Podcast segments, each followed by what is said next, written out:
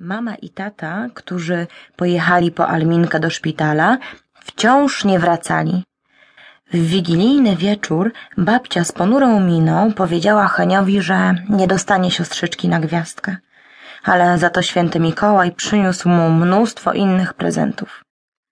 Babcia myślała, że chłopiec od razu podbiegnie do choinki i zacznie rozpakowywać kolorowe pudełka, ale Henio był tak rozczarowany i przygnębiony, że bez słowa poszedł do swojego pokoju i zamknął drzwi. Nie zauważył, że spod drzewka wydreptał cichutko miś i wśliznął się za nim do pokoju.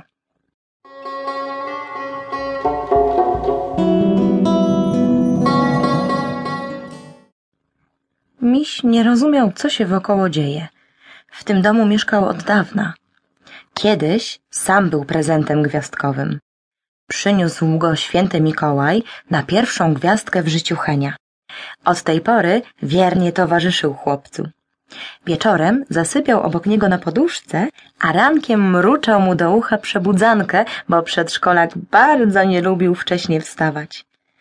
Henio zwierzał się misiowi ze swoich radości i kłopotów, ale przecież miś nie mógł nic odpowiedzieć. Gdyby miś potrafił budować miasta z klocków, gdyby chociaż